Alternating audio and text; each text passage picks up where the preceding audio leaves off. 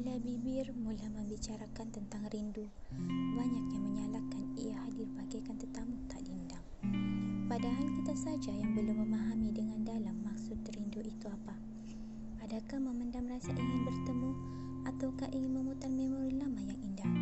Rasanya, kalau aku mengiyakan nanti, aku dikatakan sok tahu isi hati dan perasaan.